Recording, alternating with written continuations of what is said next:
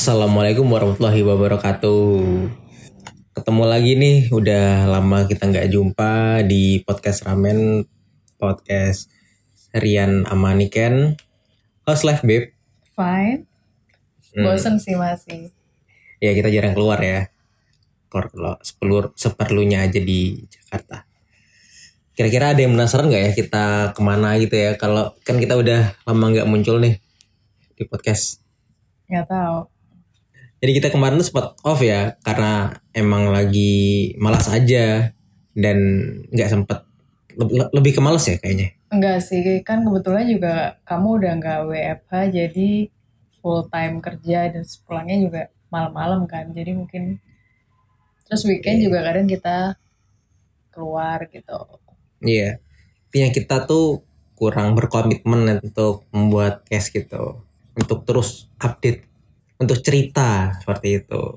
Iya. Ya kan karena siapa tahu apa yang kita share ini kan berguna kan untuk orang lain gitu atau jadi legacy kita yang terrecord entah legacy ke generasi penerus kita ya karena di podcast ini kan kita bisa jadi tempat kita untuk curhat gitu kan tempat kita untuk pulang untuk cerita Iya bener sih. Nah, ada hubungan juga dengan curhat nih, Beb. Aku ada satu artikel yang pengen aku bahas nih. Ya, aku nemu di Twitter eh, ada salah satu orang yang aku follow di Twitter itu ya. Dia tuh re- retweet with comment gitu kan. Ada judul ar- artikel yang menarik gitu. Yaitu angka perceraian di Kota Bogor meningkat drastis. Sehari bisa 100 laporan. Wow. Nah, setelah aku baca itu ada dua faktor nih utama perceraian di artikel itu. Yang pertama faktor ekonomi. Ya karena pandemi Covid ini kan, jadi si suaminya di PHK sehingga istrinya menceraikan itu. Jadi intinya tuh masalah ekonomi. Yang kedua adalah faktor kekerasan dalam rumah tangga, KDRT. Kenapa ketawa? Kamu tuh suka KDRT. KDRT. Kok bisa? Ngomong- Kamu tuh suka KDRT. apa emang KDRT-nya? Mendahulukan kepentingan kamu pribadi daripada aku. Yang mana add up-nya pilihanku biasanya itu lebih baik daripada pilihanmu kan? Ya sometimes. Ya. Nah, terus Beb, ini aku kulik-kulik lagi nih. Ternyata di luar faktor ekonomi dan faktor KDRT yang berpengaruh, itu ada faktor utama yang beyond that. Beyond dua faktor itu, Mhm. yaitu faktor kegagalan komunikasi antara suami dan istri. Now. Jadi kan hidup berpasangan, entah Mhm. itu lo pacaran ataupun menikah gitu ya, selalu ada masalah ini. Mhm. Nah kalau kita ada masalah nih entah waktu pacaran atau menikah, jujur nih beb, kamu pernah cerita ke siapa gitu terkait masalah itu? Ya, sebenarnya sih kalau permasalahan yang gimana-gimana sejauh kita pacaran sama menikah kayaknya belum ada dan insya Allah semoga enggak belum ada yang pertengkaran yang serius atau gimana gitu ya. Mungkin kalau aku kesel ke kamu sih lucunya gini. Aku tuh tipikal orang yang eh, nggak suka menceritakan tentang kesedihan aku atau masalahku tuh ke orang lain. Jadi mereka taunya tuh aku tuh happy happy aja gitu loh. Kamu inget nggak kayak misalnya kita aku lagi sama teman-temanku, terus Hmm? kita berantem gitu. Heeh. Aku nggak akan nunjukin muka yang kelihatan banget dong lagi berantem gitu.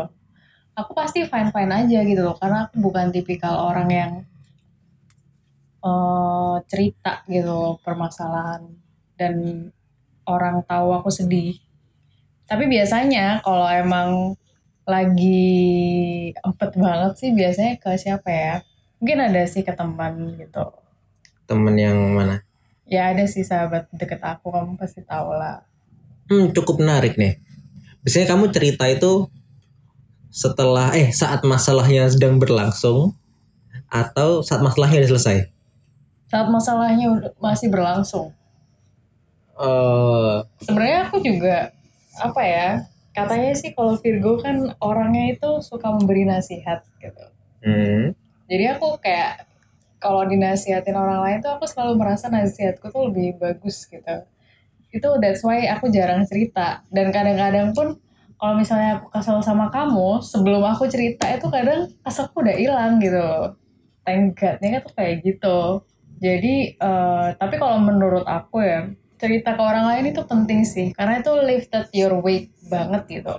Menurut aku tuh eh, kalau misalnya ada permasalahan gitu apalagi yang serius kayak misalnya permasalahan itu sampai membuat kamu decide buat eh, misalnya udah menikah di, membuat kamu decide buat kabur lah. Itu better kamu eh, punya apa ya teman-teman atau keluarga yang benar-benar support gitu. Di mana kamu bisa aman cerita. Kan kadang ada tuh teman yang kalau kita cerita tuh bukan bukan mereka malah peduli tapi kayak jadi bahan gosip gitu ya kan? Mm, Iya betul betul betul.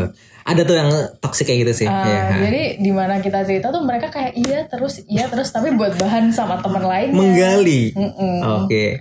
kayak gitu itu juga aku juga overthinking sih bakal ke situ kalau cerita-cerita gitu jadi make sure aja pasti punya kan kita Hmm. pasti punya circle-circle yang udah temenan lama atau kayak gimana atau yang paling penting keluarga sih emang sih kalau misalnya cerita permasalahan berat kayak ke orang tua tuh berat di kita juga karena kan kita lagi sedih gitu loh Hmm. kalau aku sih tipikalnya if I'm sad aku nggak mau orang-orang tahu gitu Oke. tapi kalau misalnya udah sampai yang kamu decide buat cerai atau buat amit-amit buat bunuh diri dan lain sebagainya kalau misalnya you can believe your friend atau kamu nggak mau buat keluargamu sedih ada psikiater kok ada Iya iya. iya. couple consultant juga kan betul.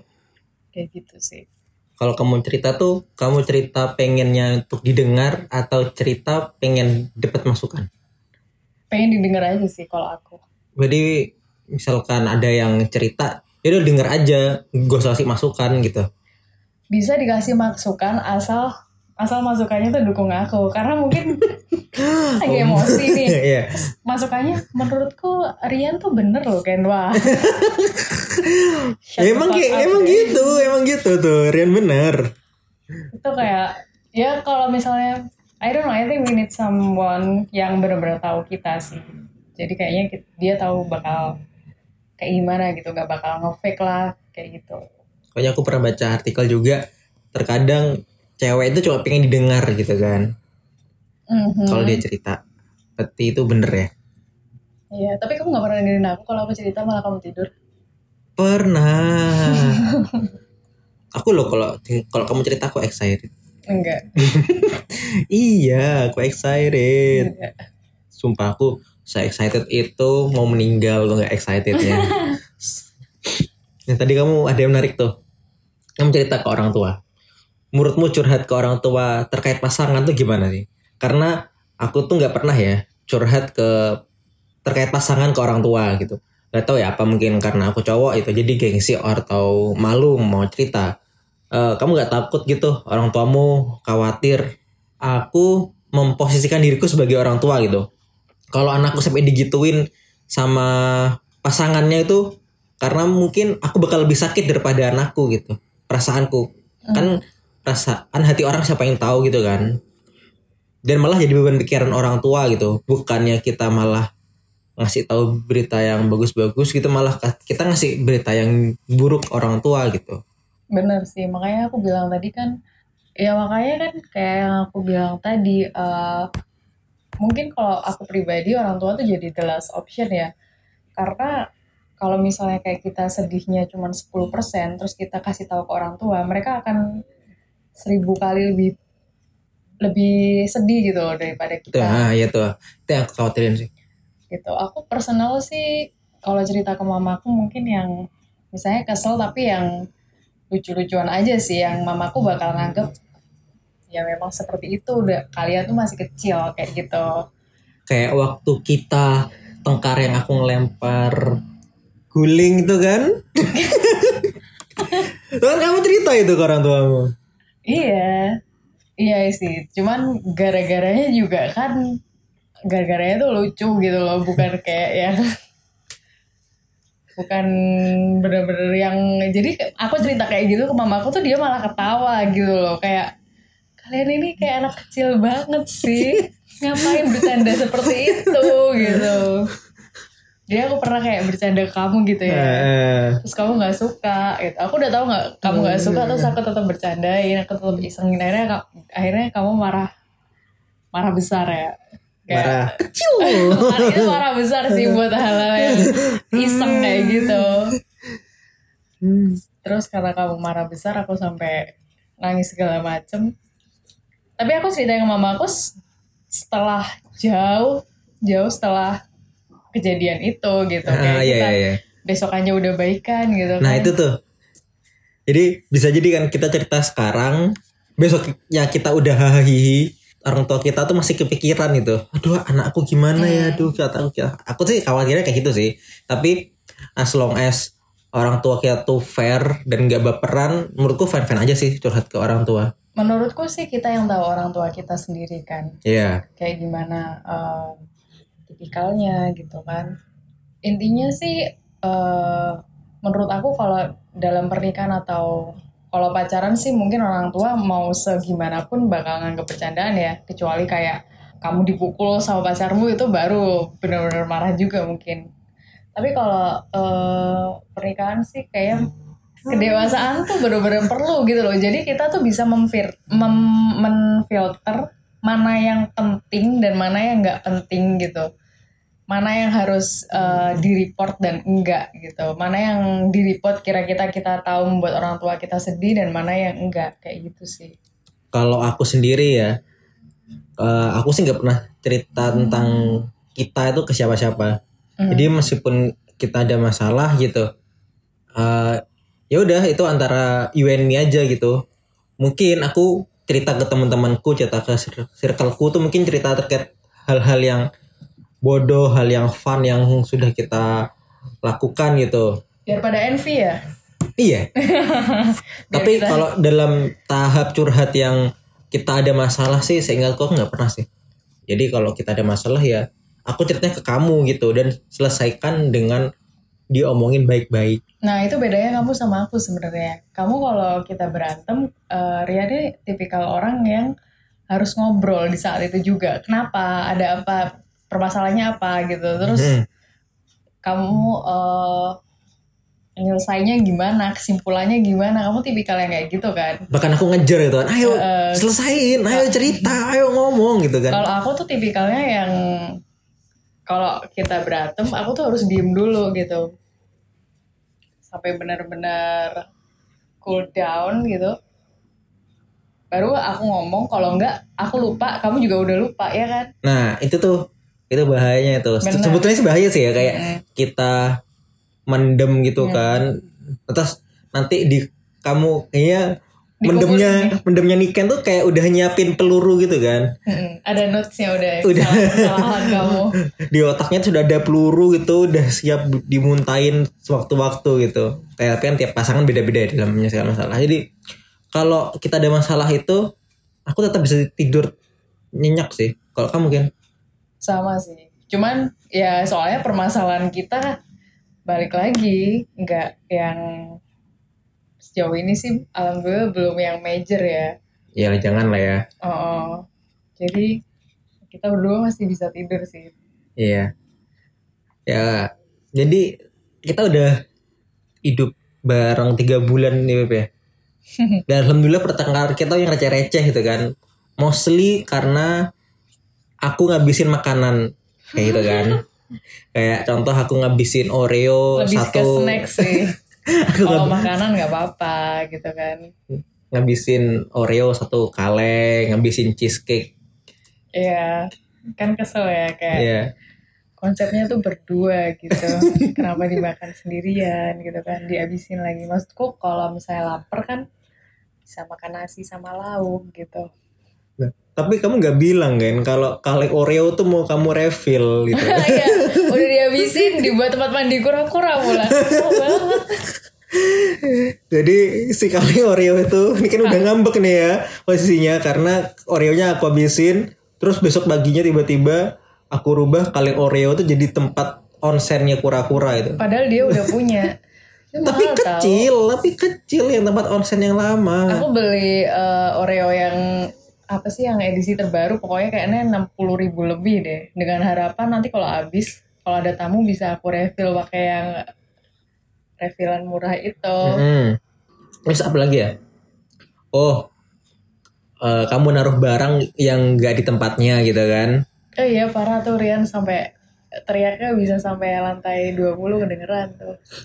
kayak Niken naruh remote AC sama remote di boot itu ada di kadang di sofa kadang di meja makan gitu. Dan saat aku nyari itu susah gitu loh. Kayak gitu kan. Terus contoh juga receh itu nyari eh, botol sabun gitu. Itu sampai kita tuh marahnya sampai Niken hampir ini ya hampir lempar celurit itu ya kita aku hampir caro itu aduh Soalnya kamu seuzon kan, kita saling seuzon gitu ya. Belum apa-apa udah kelihatan banget kalau trust isunya tuh benar-benar besar banget di antara kita berdua gitu. beda cerita kali ya kalau misalkan kita itu ke orang tua kita tuh ngasih berita tuh yang happy happy gitu kan Mhm. daripada berita yang kurang baik gitu kayak contohnya ya kita kayak masuk koran kemarin itu kan Iya lucu banget, kita masuk koran di Jawa Pos. iya. Shout di buat eh, Karin loh, teman aku. iya jadi mereka juga ikut seneng kan akhirnya or- orang tua kita gitu yo. Diwawancara wartawan masuk koran. Eh, koran apa tuh ya? Met, koran Jawa Pos tuh ya di rubrik Metropolis perempat halaman. Itu lumayan banget gitu. Terima kasih ya buat Mbak Karin. Mbak Karin ya udah meliput kita. Lumayan tuh jadi kenang-kenangan. Iya. Bisa digunting terus kita figura ya Beb ya. Jadi kembali lagi ke, ke curhat nih. Jadi sebaiknya kita tuh curhat ke siapa sih Beb? Saya ingatku kamu dulu itu pernah curhat ke temanku ya. Teman kita. Kau dia keselin banget sih kan udah dibilang jangan cerita kamu. Tapi emang gitu ya? enggak aku itu tahu kamu chattingan nama temanku itu. Kok kamu tahu sih? ngelihat namanya ngelihat na- aku aku nggak buka isinya ya tapi aku ngelihat namanya di DM IG-mu waktu itu chatnya masuk terus ah kok chat ini aku udah pikir sih ini pasti ini kan curhat sih Kamu kepo banget ya. tapi aku nggak buka loh ya is that works Hmm, ya, iya sih. Itu sebenarnya eh, hitungannya aku curhat ke strangers, strangers which is itu which is your. circleku Mhm. Tapi menurut aku, oh iya kan strangers strangers banget sih ya. Kalau strangers kan completely kita nggak kenal gitu. Hmm. What do you expect dulu waktu itu sampai kamu cerita ke temanku mungkin kamu berharap dia cerita ke aku gitu Enggak, aku nggak berharap Nah, dia terus? cerita ke kamu sih. Aku pengen lihat eh, dari sisi eh, laki-laki dan dia tuh tahu kamu mungkin lebih dari aku gitu karena dia kenal kamu lebih lama kan waktu itu. Mm-mm. Jadi aku pengen lihat dari sisi dia, di mana dia itu cowok. Biasanya cowok itu kan netral ya, berharap dia netral oke netral. Terus dia nggak, I don't know, nggak julid juga mungkin kayak cewek kan kadar julidnya itu kan, you know lah. Iya, gitu. ah. dia cowok dia teman kamu jadi aku pengen tahu dari sisi dia kayak gimana gitu kalau aku cerita ke teman aku kan mereka pasti belain aku Mm-mm. pasti kamu Rian yang salah ini kayak gini gitu jadi aku pengen tahu dari sisi dia dan dia juga kebetulan jawabannya tuh netral gitu. Jadi it works. Oh ya aku mau nanya. Eh, menurut kamu kayak curhat ke parents nih ya. Hmm. Eh, menurut kamu tuh advice mereka itu eh, bisa jadi sesuatu yang membangun atau sesuatu yang malah memperumit gitu? Karena kayak orang tua kita kan eh, mereka lahir di zaman itu gitu Mm-mm. ya di mana completely different sama kita sekarang jadi mereka menasihati kita eh, based on experience mereka point of view mereka membina keluarga di awal-awal Hmm, itu tahun 80-an gitu kan. Iya. 90-an mungkin. Heeh. menurut kamu eh kamu sebagai pribadi misalnya dinasihatin orang tuamu gitu kamu tipikal yang langsung telan itu mentah-mentah dan nurut atau kamu mikir lagi Hmm. Ini terkait sama hubungan kita atau in dalam general sih in kalau in general. Mhm. Kalau in general sih ya in- dalam hubungan kita juga kan menurut kamu gini. Kalau in general aku sih banyak nyerap ya. Ya entah itu terkait hubungan human to human atau terkait dengan karir atau terkait dengan hubungan vertikal kita gitu kan? Ya kalau itu sih aku iyain sih. Lebih kepada aku serap dan aku cerna dan aku sesuaikan dengan jalan hidup kita gitu. Kalau aku jadi misalkan misalkan nih em, dalam hal em, misal decision beli rumah gitu. Kalau orang tua aku bilang aku nggak usah beli rumah di Jabodetabek gitu. Tapi melihat kebutuhanku juga sih. Aku bisa jadi mungkin tahun akhir tahun ini atau tahun depan kita beli rumah gitu ya. Karena memang orang tua kita mungkin pengennya kita beli rumah di di Jember-Jember aja gitu. Biar deket mereka. Sedangkan kalau misalkan kita nggak beli rumah sekarang yang mau which is rumah bisa juga buat invest gitu kan ya kapan kita punya aset rumah gitu. Kalau aku sih mikirnya ke situ sih. Ya aku serap tapi aku sesuaikan dengan kondisi kita. Gitu jadi misalnya dinasihatin tuh nggak yang langsung telan mentah-mentah dan nurut gitu ya? Ya kita jadi sesuaikan dengan kondisi kita. Kayak gitu sih. Aku juga sih eh, tapi kebetulan mamaku biasa aja sih. Tapi eh, kalau misalnya mamaku kayak eh, nasihatnya tuh benar-benar yang di tahun itu tuh kayak bakal aku iyain tapi implementasinya itu bakal berbeda gitu. Tapi aku reportnya ke mamaku juga yang ya yang akan membuat dia gak tenang panik ya. gitu. Ah, iya. kayak gitu sih. Jadi emang intinya nih emang beban pikiran tuh kalau dipendem nggak eh, nggak baik gitu ya. Mhm. mulai mungkin gejala-gejala ringan tuh mungkin bisa jadi jerawat mungkin pusing sakit kepala males ngapa-ngapain gitu. Bahkan kalau udah beban pikirannya numpuk banyak bisa jadi penyakit yang berbahaya sih amit-amit aja. Kamu pernah gak sih Beb kayak gitu Beb? Misalnya kepikiran apa gitu sampai sampai nggak mau makan sampai sampai pusing gitu. Pernah nggak? Belum pernah sih alhamdulillah Nah, em, apalagi kan sekarang zaman sosmednya Beb ya. Pasti ada kan orang-orang yang curhat mungkin bukan hanya terkait rumah tangganya, tapi juga misalkan terkait dengan kerjaan dia gitu di sosmed gitu. Menurutku itu kurang wise sih. like I said sih belum dewasa aja Ya, karena emang mungkin lo butuh tempat curhat tuh, tapi sosmed tuh bukan media buat curhat men- menurutku sih. Mhm. Sosmed tuh kayak ibaratnya nih ya. eh lu tuh naik panggung terus lu teriak-teriak megang toa. Terus audiensinya itu followers-followersmu gitu. Nah, sembari lo teriak-teriak di atas pakai toa yang mana itu adalah curhat gitu. Followersmu tuh kan pasti baca gitu kan Mhm. dan dia tuh bisa jadi dia tuh bisik-bisik dengan orang sekitarnya gitu sehingga mereka membuat opini sendiri menurutmu gimana Beb? I think orang-orang yang kayak gitu sih attention seeker banget ya betul setuju kayak apaan sih lo pengen kok kayak jatuhnya kayak caper gitu gak sih? Ya malah kasihan sih karena kan jatuhnya malah kasihan. eh, berarti dia nggak punya I don't know mungkin dia lebih nyaman dengan seperti itu. Eh, bukan karena dia nggak punya I think circle atau keluarga gitu tapi mungkin eh, lebih ke sifat atau watak sih. Jadi dia memang tipikal orang yang attention seeker.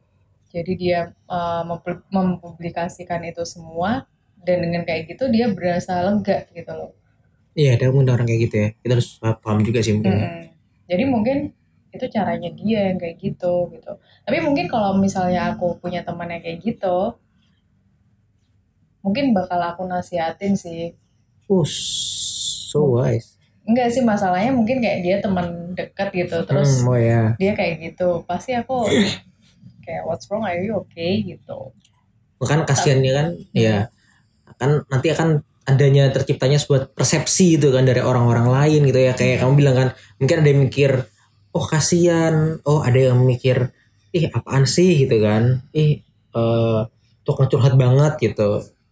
Tapi ini tapi tapi di sosmed itu juga banyak orang yang curhatnya tuh tersirat.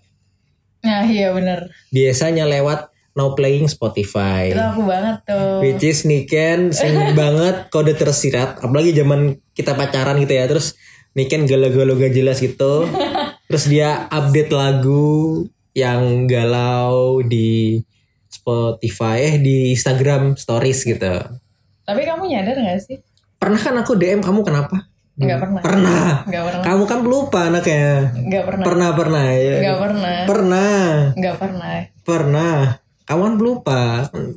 Jujur nggak pernah. Mungkin Pernah. lain Allah, aku inget. Nggak. Apa sih Beb yang kamu cari dengan curhat tersirat dengan now playing Spotify itu? Karena aku pengen kamu ngerti tanpa aku harus menjelaskan gitu. Aku tuh udah kesel terus harus menjelaskan tuh kayak yang just listen to the lyric man gitu. Jadi salah satu bad habitnya nih Ken ini adalah dia tuh sering dengerin musik pakai headset. Buruknya adalah dia merasa relate dengan lagu itu. Sometimes emang real. Enggak, kamu tuh cuma merasa relate aja terus tiba-tiba kamu nangis gitu dengerin lagu. Maksudnya kamu tuh gak relate tapi kamu cuma seolah-olah relate gitu. Apa ya emang Virgo drama banget sih ya. Enggak.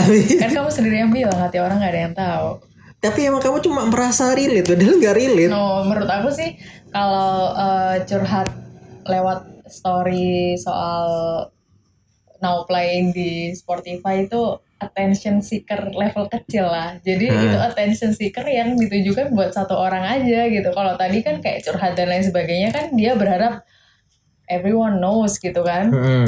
Kayak 4000 follower dia itu dia mereka semuanya harus tahu gitu. Tapi kalau misalnya now playing kan kayaknya aku cuman pengen satu orang aja yang tahu dan itu kamu gitu. Dan kamu ini kayaknya nggak peka.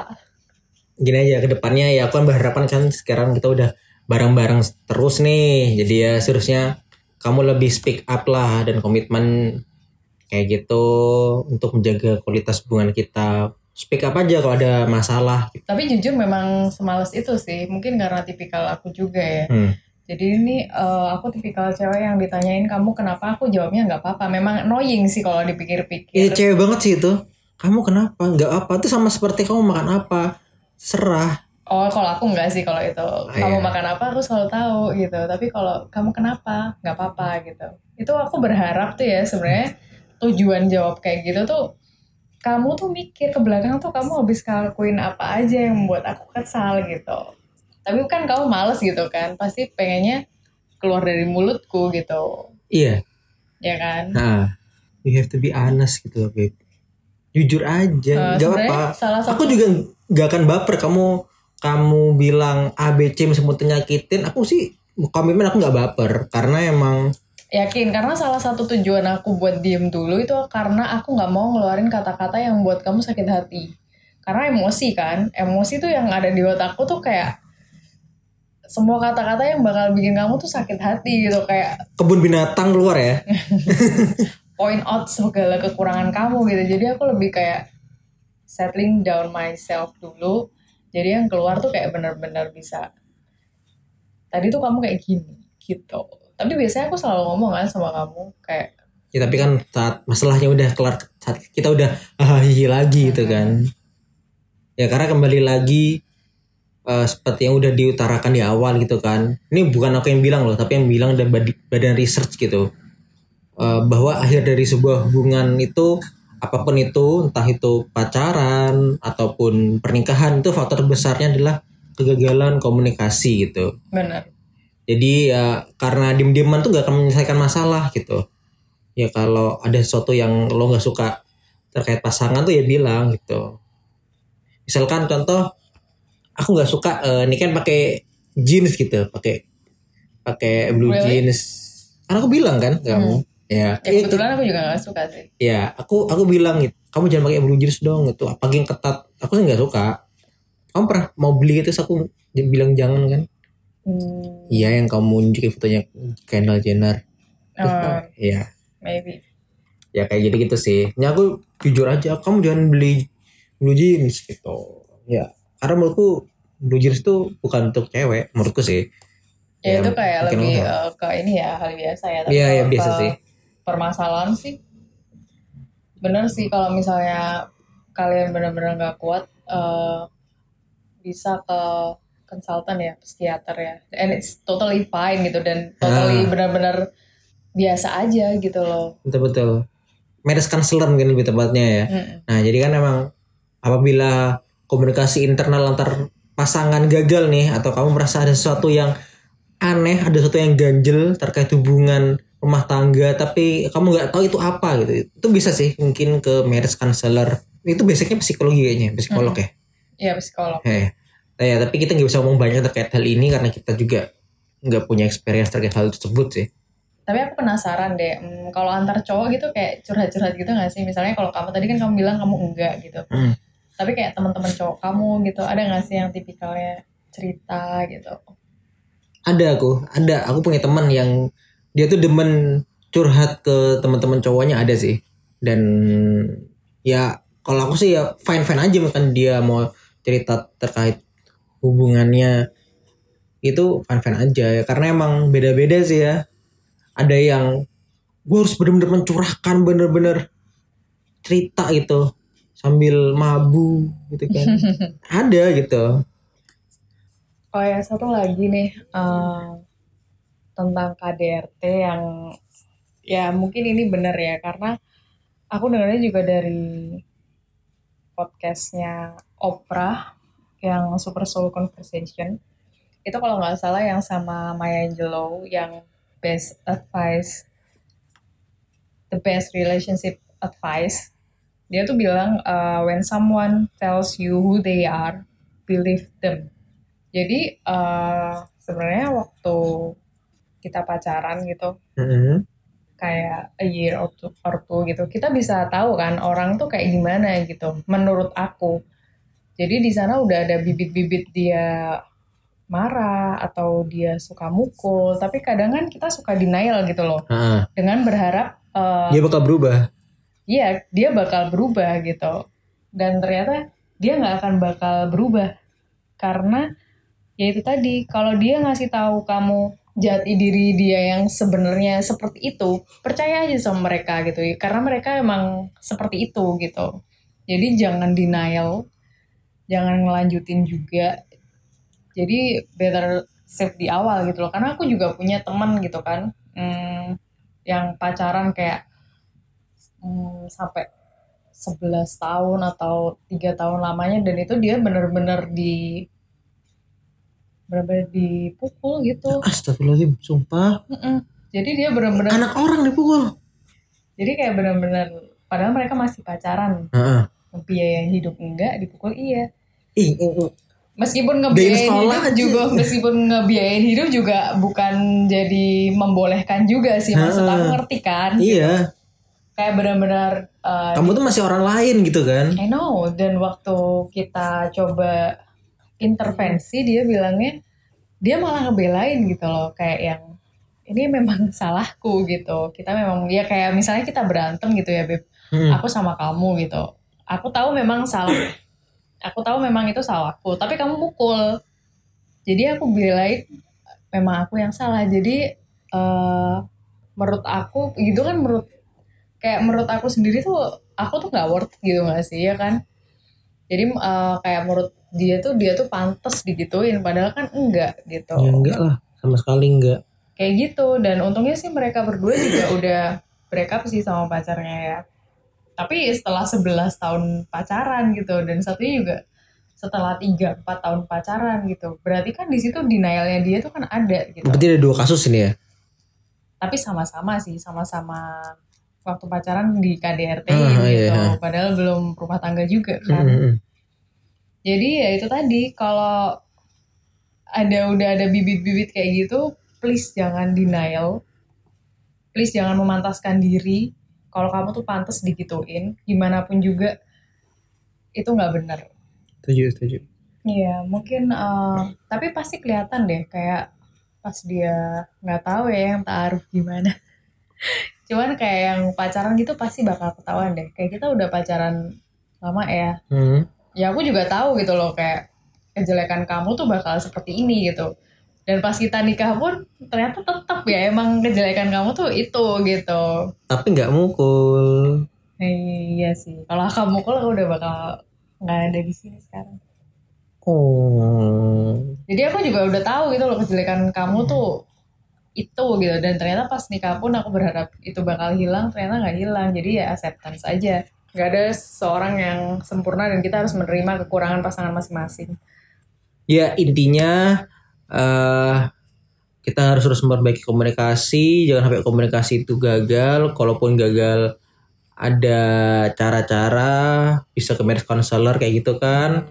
Ya em, podcast ini mungkin jadi sarana kita untuk kita berdua ya khususnya untuk memperbaiki komunikasi kita sih. Iya benar. Gitu sih. Mungkin tuh aja deh. Eh, kalau ada saran dan pertanyaan bisa email kita. Emailnya ada di deskripsi. Udah itu aja mungkin. Bye. Bye.